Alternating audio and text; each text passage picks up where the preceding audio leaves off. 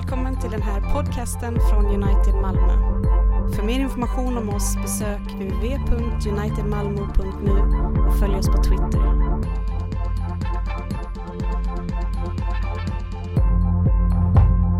Vi lyssnar till denna söndagens gammaltestamentliga text från Joel. Det ska komma en tid då jag utgjuter min ande över alla. Era söner och döttrar ska profetera. Era gamla män ska ha drömmar. Era unga män se syner. Och över slavar och slavinnor ska jag då utgjuta min ande. Hör Herrens ord. Vi lyssnar till denna söndagens episteltext som är från Apostlagärningarna kapitel 2, 1-11. När pingstdagen kom var de alla församlade. Då hördes plötsligt från himlen ett dån som av en stormvind. Det fyllde hela huset där det satt. Det såg tungor som av eld fördelade sig och stannade på var och en av dem. Alla fylldes av helig ande och började tala andra tungomål med de ord som anden ingav dem. I Jerusalem bodde fromma judar från alla länder under himlen. När dånet göd samlades hela skaran och förvirringen blev stor när var och en hörde just sitt språk talas. Utom sig av förvåning sa de, men är inte de där galileer allesammans, dessa som talar? Hur kan då var och en av oss höra sitt eget modersmål talas? Vi är parter, meder, elamiter.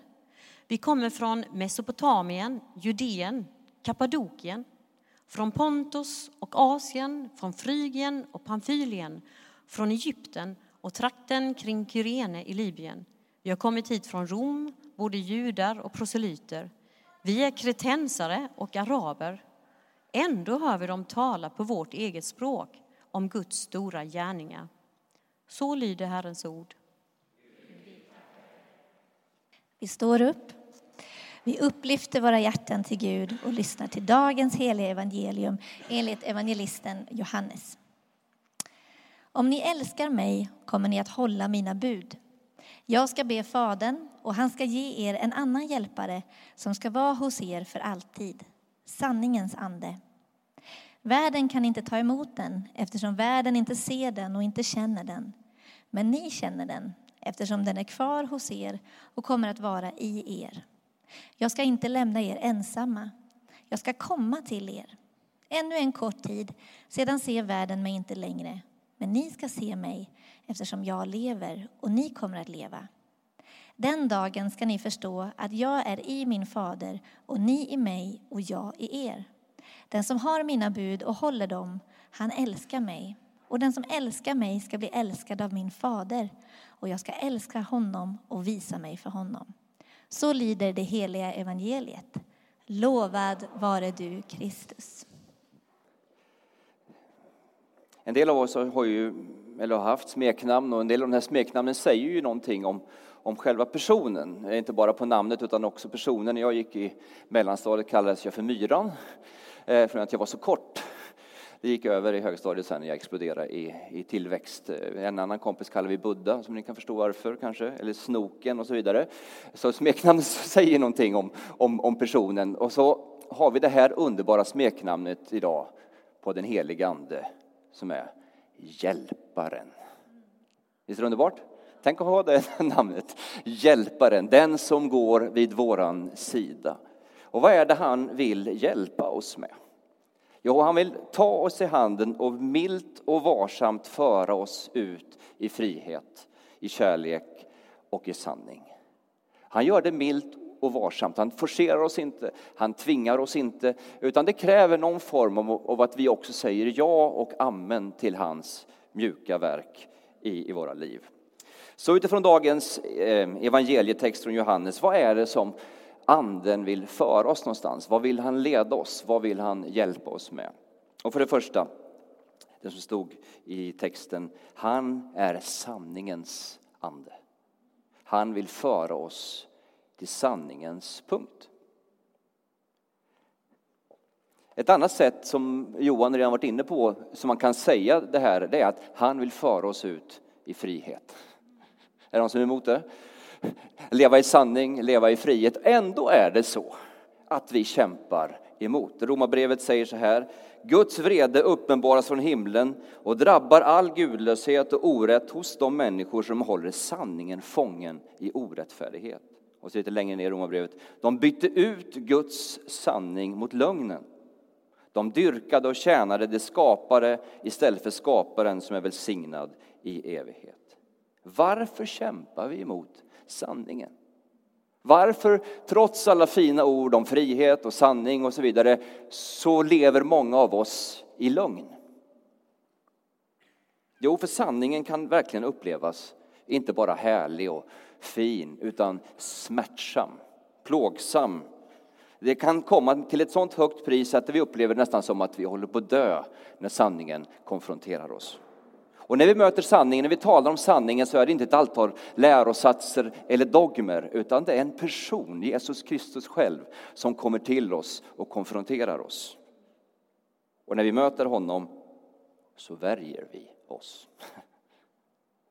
Det finns ett intressant eh, bibelställe i Johannes 8, det står så här. Till de judar som trodde på honom, alltså, sa Jesus, om ni förblir i mitt ord är ni verkligen mina lärjungar ni ska lära känna sanningen och sanningen ska göra er fria. Och då sa de, vi härstammar från Abraham och har aldrig varit slavar under någon. Vad menar du med att vi ska bli fria? Och så går de i närkamp med Jesus och vill till slut döda honom. De judar som trodde på honom, när han säger, ni ska få lära känna, lära känna sanningen och sanningen kommer göra er fria. Men när vi möter sanningen, uppenbarad Jesus Kristus, förmedlad genom Guds ord, så alla fall om jag går till mig själv så märker jag, eh, jag tar inte bara emot det. Jag förnekar det. Jag projicerar det, alltså man överför det på andra människor. Man eh, förminskar det. Man försvarar sig själv, man relativiserar. Det var inte så allvarligt egentligen och, och, och jämför sig. Men han är ju mycket värre och, och tänk på hur hon agerar och så vidare. Eller så flyr man. Eller så går man in i distraktioner så att inte sanningen ska få göra sitt verk i oss, hjälparen som vill föra oss ut i frihet.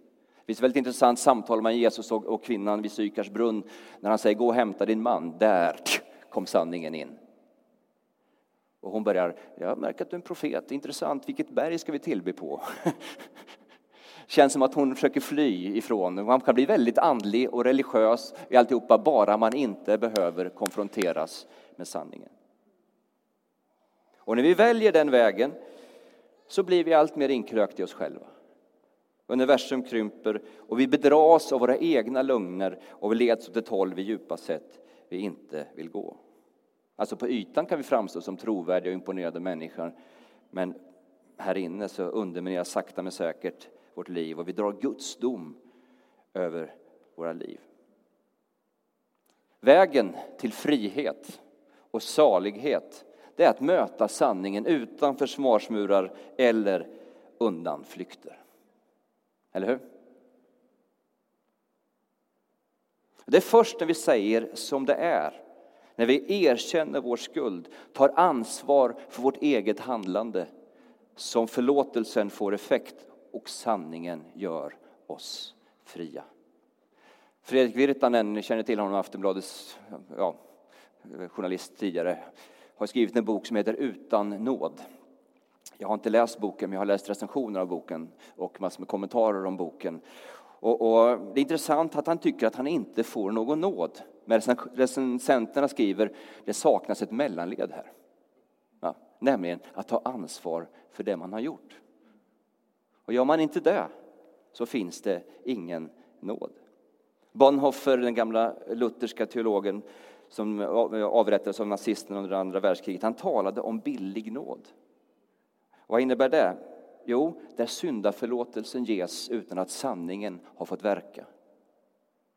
Petrus säger till människor som Just på pingstdagen, vi läste vi förut, orden träffade dem i hjärtat och de frågade Petrus och de andra apostlarna, bröder, vad ska vi göra?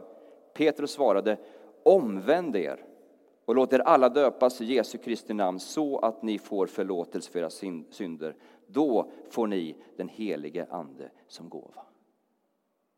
Nåd ges när sanningen har fått gjort sitt verk och vi säger ja och amen till vad hjälparen vill leda oss in i. Halleluja!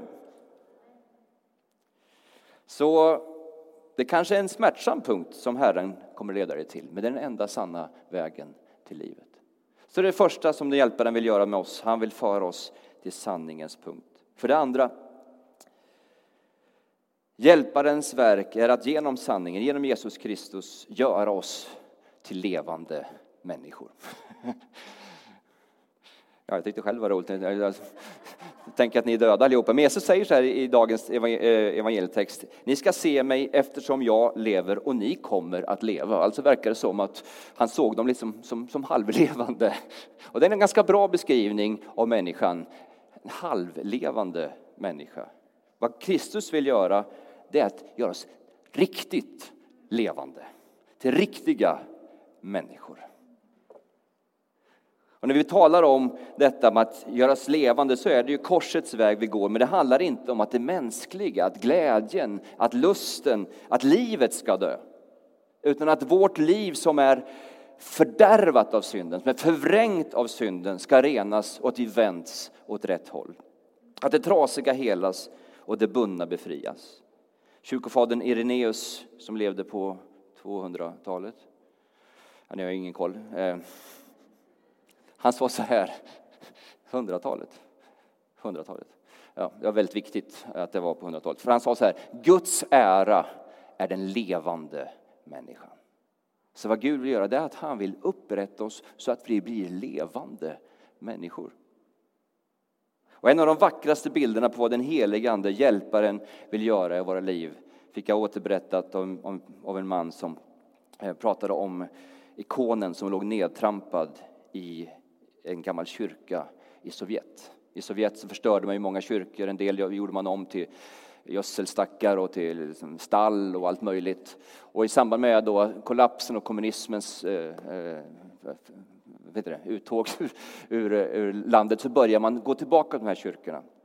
Och så liksom i all skit, nedtrampad bland all lera, så var det någon som hittade en gammal träbit.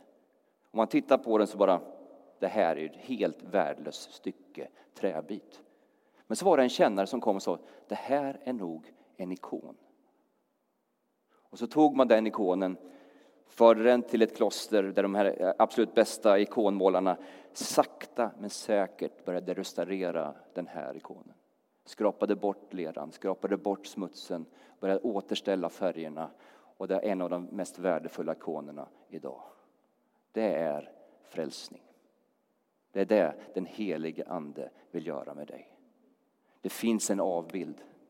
Det finns en likhet. Men den är nedsmutsad av synden, den är förstörd av våra vanor, den är förstörd av vårt samhälle. Men den helige Ande, hjälparen, vill komma och sakta men säkert återställa bilden igen. Som Efesierbrevet säger,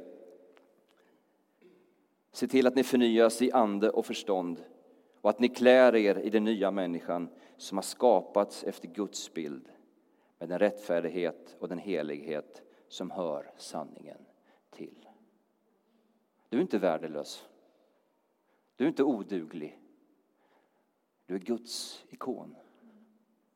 Som Gud sakta men säkert genom den heliga Andes verk, genom sanningens verk vill återställa så att du får spegla det himmelska i den här världen. Yes tyckte själv det är riktigt bra det här. Så för det andra, alltså, den heliga Ande vill göras till levande människor. Sanna avbilder av Kristus. Det tredje, hjälparen den helige Ande vill grunda oss i Guds kärlek och göra oss medvetna om Guds ständiga närvaro i våra liv. 94 tror jag det var så utbröt en otroligt kraftfull andeutgjutelse i Sverige, bland annat på den bibelskolan som vi var med och ledde då i Aneby. Eh, och det var ju väldigt mycket starka och märkliga manifestationer. Alltså folk skakade och skrattade och föll omkull och så vidare. Men det som slog mig det första halvåret där, innan det här blev känt i media, det var att nästan de flesta vittnesbörden handlade inte om oj vad härligt det var, det skakade lite eller nu så, utan jag vet inte hur många som berättar för mig nu har jag för första gången på allvar erfarit Guds kärlek. Och det är väl ändå lite konstigt?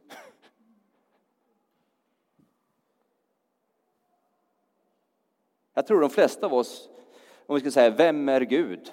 Vi skulle säga Gud är kärlek, eller hur? Vi skulle säga ja, Gud älskar mig. Jag älskar Gud. Och vi sjunger det hela tiden. Men i dagens evangelietext stod det så här. Om ni älskar mig kommer ni att hålla mina bud. Och det gör vi inte. Förstå mig rätt. Och då måste vi ställa frågan, men älskar jag då Gud?